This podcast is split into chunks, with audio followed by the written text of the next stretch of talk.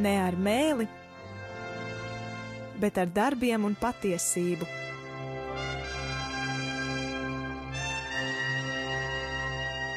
Atvērsim svētos rakstus un studēsim kopā. Māca Jēkabs, Dieva un Kunga Jēzus Kristus kalps.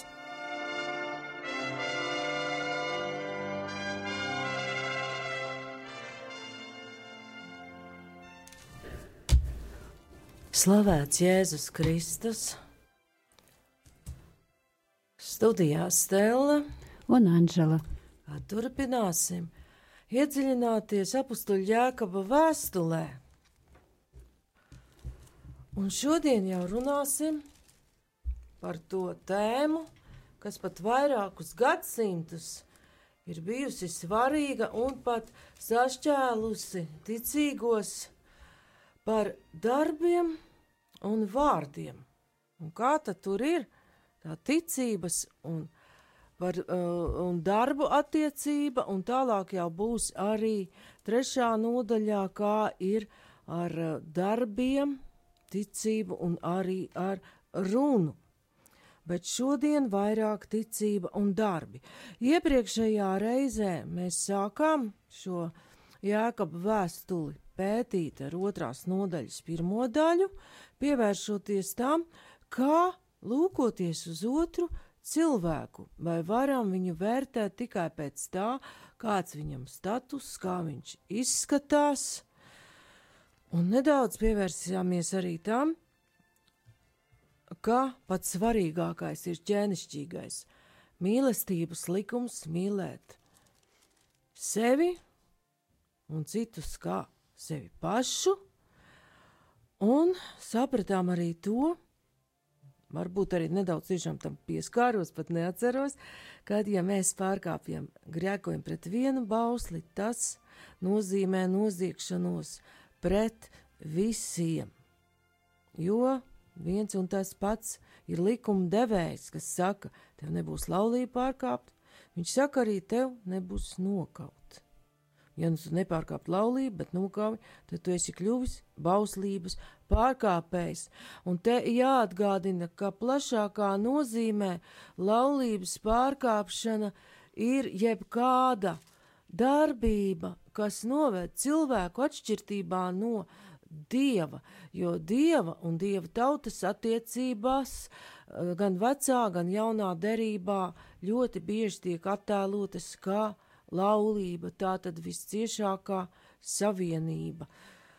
Un šo savienību eh, zemes dzīvē attēlo šī vīrieša un sievietes savienība.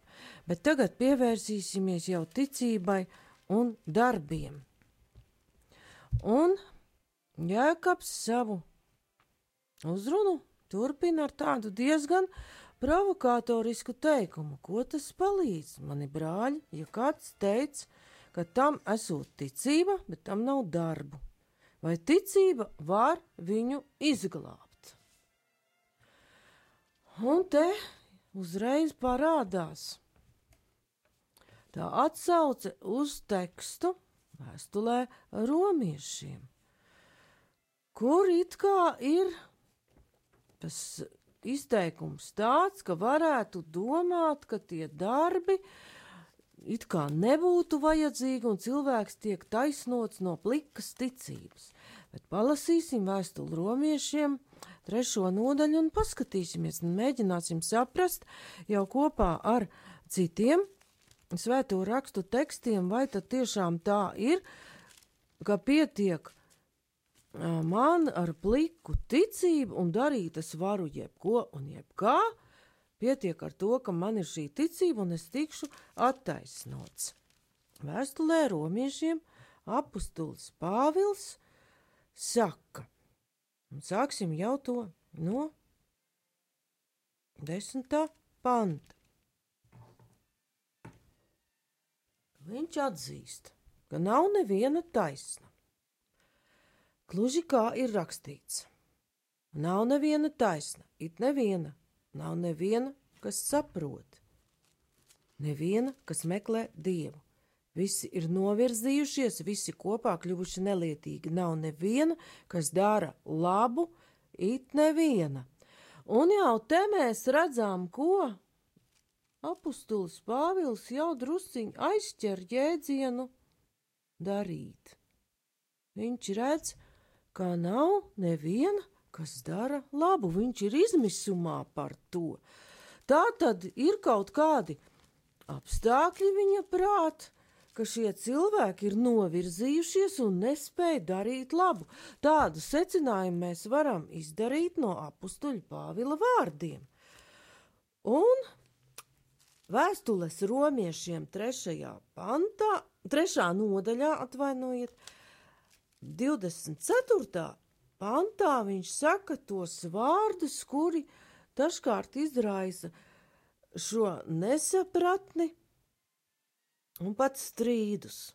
Viņš raksta, bet Dievs savā žēlastībā tos taisno bez nopelna, sagādājis tiem pestīšanu Jēzu Kristu. Viņš, viņu Dievs tiem, kas tic, nolicis par grēka izpircēju viņa asinīs, tā parādīdams savu taisnību.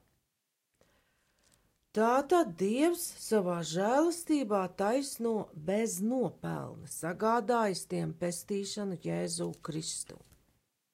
Tad attaisnošana ir kā nepelnīta dāvana. Vispirms to vēlas pateikt apustulis Pāvils. Un kādi var būt nopelni, mēs varam labi atcerēties divus vīrus, kas ir ienākuši templī Atceries, Anžēl, pa kuriem ir runa? Jā, muitnieks. Un viens tur bija tāds farizējs, viņš labi zināja bauslību, labi zināja likumu, un piegājis tā labi tuvu klāt kunga altārim sita sev pie krūts, uzskaitīdams nopelnus. Tu redzi, kungs, es dodu tev desmito tiesu. Es gavēju, es ievēroju visus likumus un noteikumus Tā tad tev, kungs, man ir jādod debesu valstība. Es esmu taisnīgs. Un viņš to runā tieši tā, ka viņš pats ar savu likumu ievērošanu un savu, saviem nopelniem ir spējīgs ielausties debesu valstībā. Kamēr tas, kas tur stāv pie durvīm un atzīst savu vainu, tiek tik tiešām attaisnots bez nopelna. Un Tālāk mēs jau mēģināsim saprast, kā tad ir ar tiem darbiem. Jo Jēkabs uzreiz jau nākamajā pantā, otrā nodaļa, 15. pants, pievēršas tiem darbiem. Ja brālis vai māsa ir kaila un tiem trūks dienasčas barības. Bet kāds no viņiem teiktu, ejiet ar mieru, sildieties un baudiet barību, bet nedot viņiem to, kas miesai vajadzīgs, Ko tas palīdz? Tāpat arī ticība, ja tai nav darbu, tā pati par sevi ir nedzīva. Tad te Jēkabs runā par tādu, kā pāvests Francisks teiktu, izmešanas kultūras variantu, ka vārdos ir kaut kāda līdzjūtība, bet reāls darbs, reāla palīdzība šim cilvēkam netiek sniegta, viņš tiek no tām pareizā farizēja namdurvīm aizraidīts trīs mājas tālāk. Ej, meklē palīdzību kaut kur citur, man ir jālūdz Dievs, man nav laika ar tevi nodarboties. Tā tad, ja nesako uzmanību pret šo brāli vai māsu, kurš ir kails, kurš nav apģērbts, kurš nav uzklausīts, ticība paliek formāla un tajā nav dzīvības. Un tālāk Jēkabs turpina provocēt tādiem paralēliem teikumiem un izteikumiem, bet gan kāds teiks, tev ir ticība un man ir darbi. Parādi man savu ticību bez darbiem, es tev parādīšu ticību no saviem darbiem. Jā, un arī uh, Lūkas evanģēlijas saka, kā dalīties ar tuvāko, bet viņš tiem atbildēja sacīdams, kam divi svārki, tas lai dod tam, kam nav, un kam ir pārtika, lai dara tāpat. Paldies! Tātad šeit ir Lūkas evaņģēlīja fragments, kas citos uh, izteikumos un ļoti īsi pasaka to pašu, kas Mateja evaņģēlīja 25.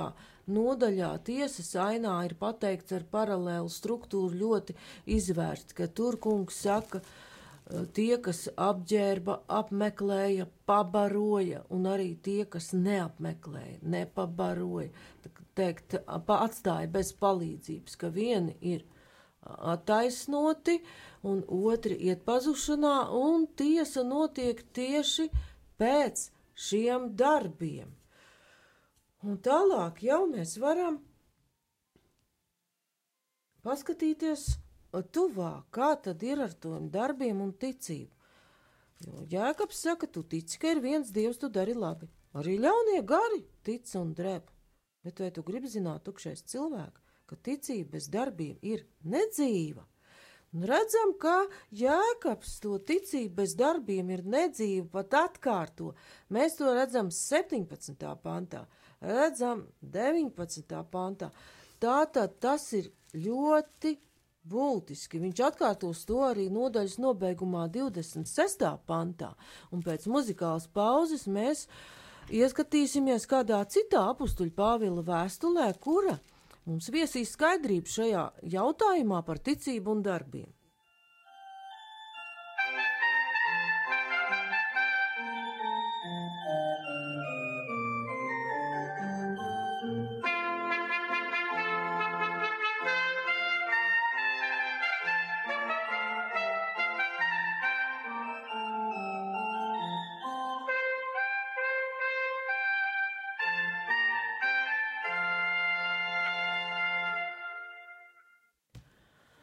Mēs jau vairāk kārtīgi esam par to runājuši, ka svētiem rakstiem ir šī ļoti jaukā īpatnība, ka tie paskaidro paši sevi, viens teksta fragments paskaidro citu, un līdz ar to mēs varam šo domu caur daudziem un dažādiem tekstu fragmentiem gan vecā, gan jaunā derībā atrast atbildi uz mūsu interesējošu jautājumu Un par ticības un darba attiecībām, kā mēs tos darbus dabūjām, apustulis Pāvils raksta kādā.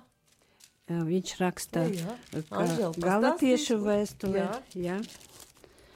Bet es saku, staigājiet garā, tad jūs miesas karību savaldīsiet, jo miesas tieksmes ir pret garu, bet gara tieksmes ir pret miesu, jo šie divi viens otram strau, stāv pretī, kā jūs nedarat to, ko gribat. Bet ja gars jūs vada, tad jūs vairs neesat padoti bauslībai. Bet zināmi ir miesas darbi, tie ir netiklība, nešķīstība, izlaidība, elku kalpība, buršana, ienaids, strīdi, nenovīdība, dusmas, kilde, šķelšanās, ķecerība skaudība, dzeršana, dzīvošana un tam līdzīgas lietas, par kurām es iepriekš saku, ka jo, jau esmu senāk sacis, tie, kas tādas lietas dara, nemantos Dieva valstību, bet gara auglis ir.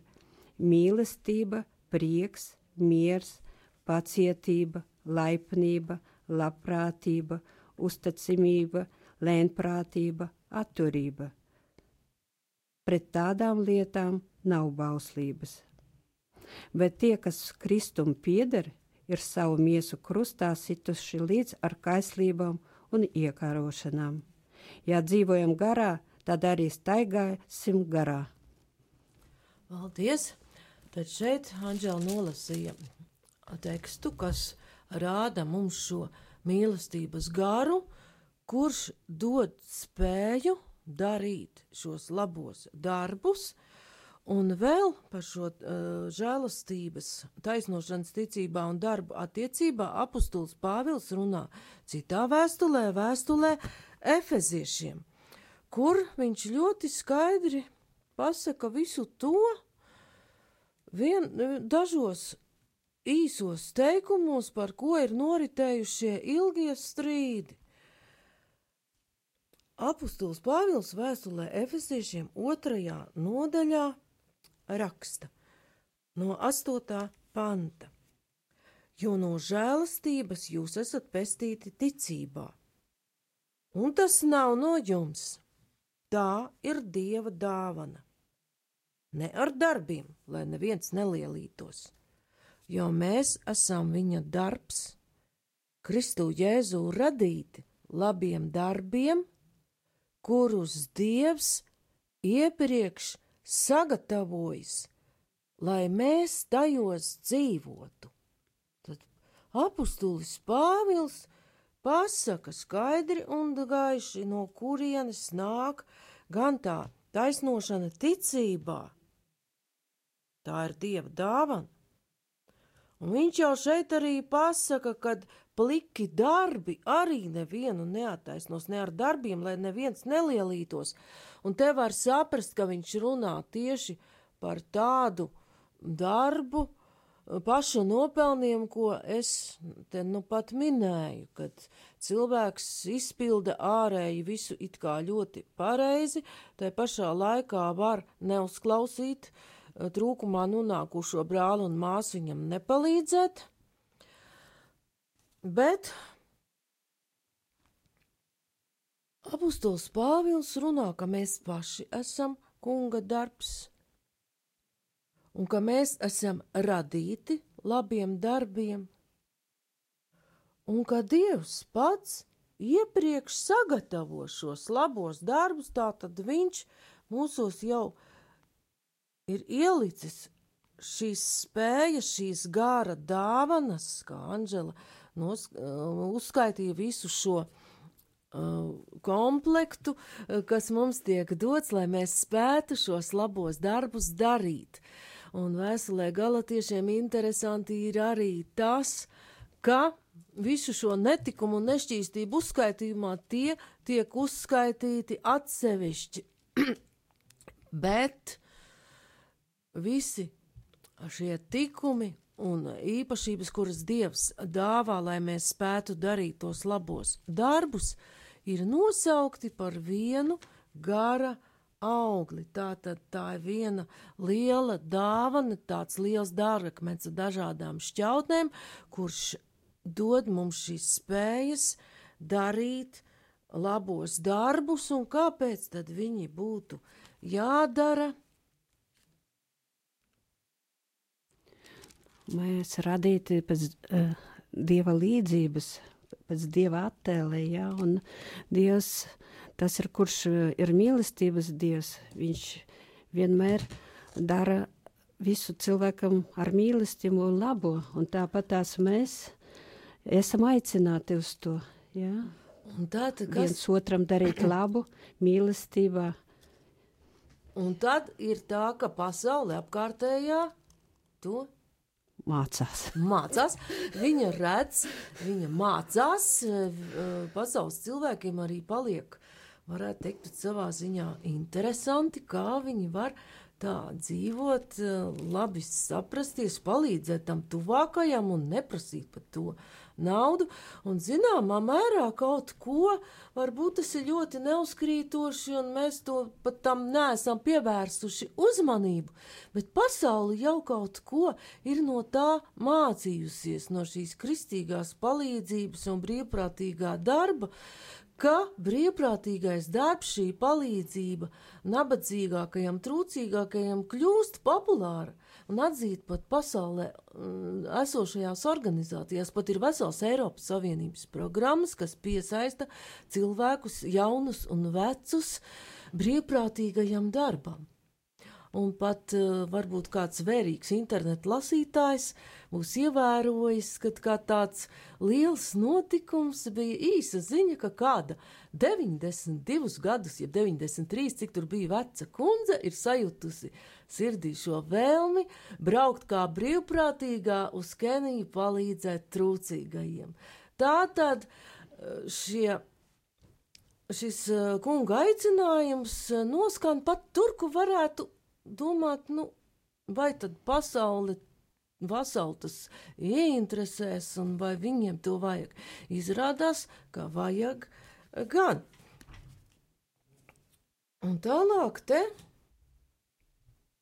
Jēkabs, lai parādītu šo darbu un ticības attiecību, piemin veco derību. Abrahāms, mūsu tēvs, vai ne no darbiem, viņš tāpat taisnot ziedodams īzaku savu dēlu uz altāru.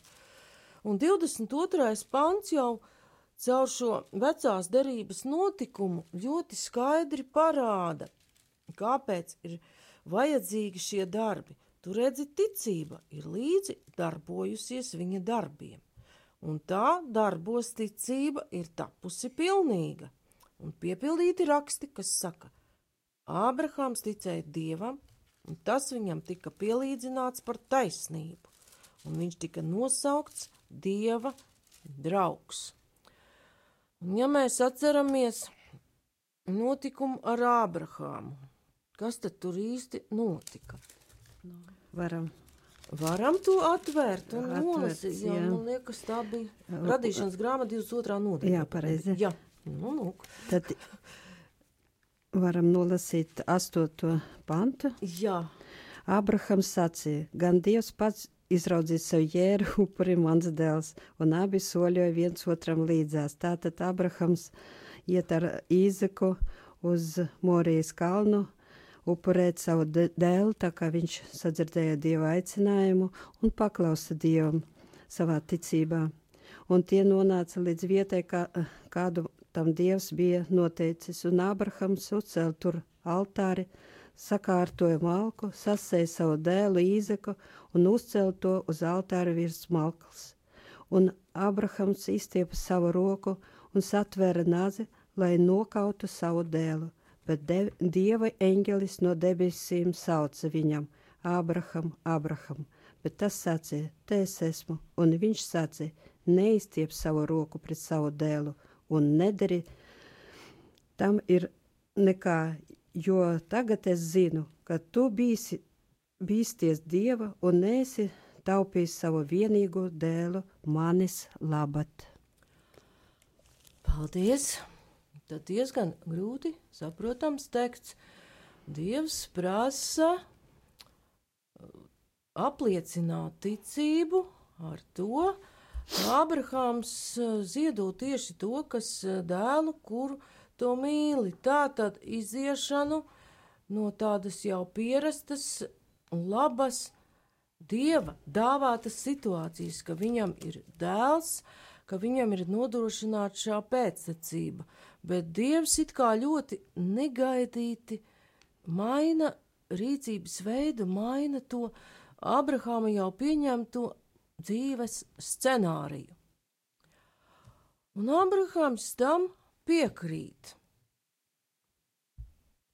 Un varam saprast, ka tas, ko Dievs var cilvēkam pieprasīt, vai uz ko viņu mudināt, ārēji varētu pat pārsniegt cilvēka spēkus, bet tiklīdz sākas šī piekrišana, Dievs dod šo atrisinājumu, un virzību tiem darbiem, kurus viņš pats ir sagatavojis. Un Ābrahāma tālākais darbs jau bija šī ticības tālāka nodošana caur dēlu un šī pamat likšana lielai tautai, caur kuru pasaulē vēlāk jau ienāks pestītājs būt par gaismu daudzām tautām. Un šeit ir runa tieši par šo paļaušanos, ka Dievs pats sagatavos šos labos darbus, un ka Dievs atradīs upuri, katrs Dieva sagatavotais darbs zināmā mērā ir kā upuris. Bet mēs esam pieraduši upuri uztvert kā kaut ko ļoti grūtu un smagu, kas nereti ir pat tādos piedarīgo izteikumos. Es te upurējos, bet tu. Dievs pieņem tikai tādu upuri, varam saprast arī šo viņa sagatavoto darbu, kur cilvēks dod ar prieku un labprātīgi, pat ja sākumā tur īsti šī prieka nav. Un no visas sirds, jā, un tad uh, Mateja evaņģēlijā mēs varam arī uzlasīt, kā mēs esam aicināti, esiet pilnīgi, kā jūsu debesu tevs ir pilnīgs. Būt pilnīgiem un no visas sirds ticēt uz Dievu un sadzirdēt viņa aicinājumu.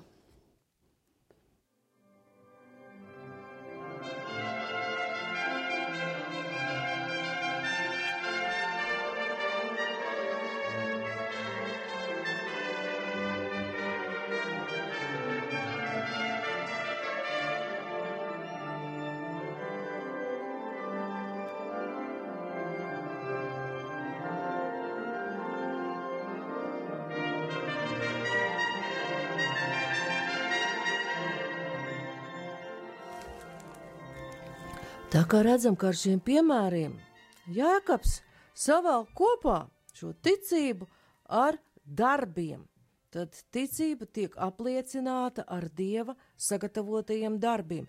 Un atkal viņš piemin vecās derības notikumu no Jozas grāmatas, ka Rahāba netikle vai ne no darbiem viņa tika taisnot sūtņus uzņemdama, pa citu, citu ceļu izlaizdama. Tas ir šis notikums Jozas grāmatā. Tāda pagāna sieviete, slikta sieviete, it kā varētu teikt, atpazina šos izradzētās tautas sūtņus un viņiem palīdzēja. Un tāpēc, eh, ja izlasīsim Jozua grāmatā sestajā nodaļā, tad, eh, bet netikli Rahabu un viņas tēva namu un itin visu, kas tai piederēja Jozua atstāja pie dzīvības, un tā dzīvoja Izraēla vidū līdz šai dienai, tāpēc, ka viņa bija paslēpusi sūtņus ko Jozo bija izsūtījis Jēriku izlūkot. Paldies!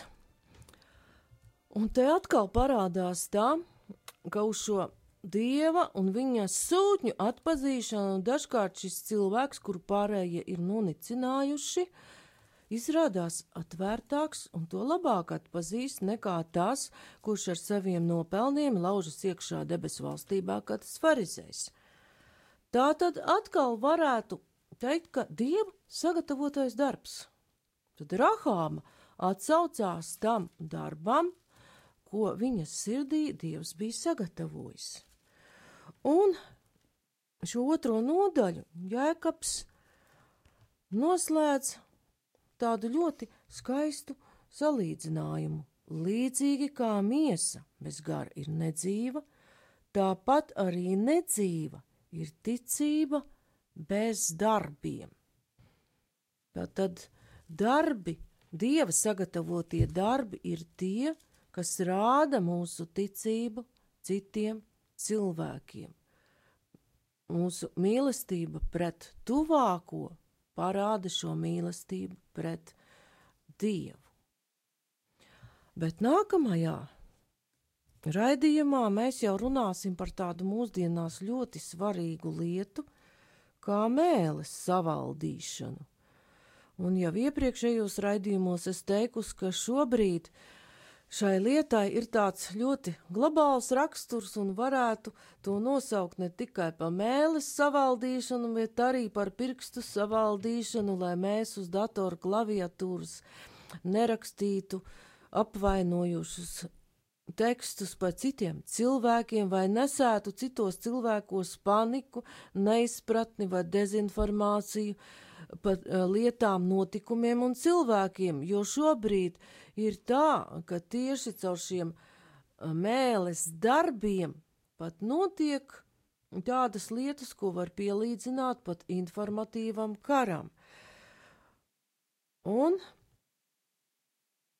Jēkabs šo trešo nodaļu jau sāk ar brīdinošiem vārdiem tiem cilvēkiem, kuri pat pasludina dieva vārdu un māca citus. Netopiet mani brāļi daudzi par mācītājiem, zinādami, ka mēs nāksim grūtākā tiesā. Tā tad viņš jau pasaka to, ka cilvēkam, kuram ir uzticēta šī mācīšanas, misija vārda to tālāk nodošanas misija ir lielāka atbildība, jo arī tā ir Dieva sagatavotais darbs, kurš apliecina ticību. Bet dziļāk mēs to visu aplūkosim jau nākamreiz.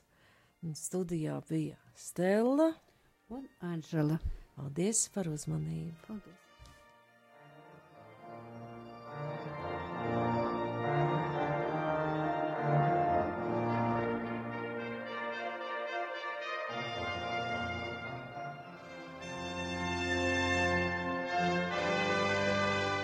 Izskanēja raidījums.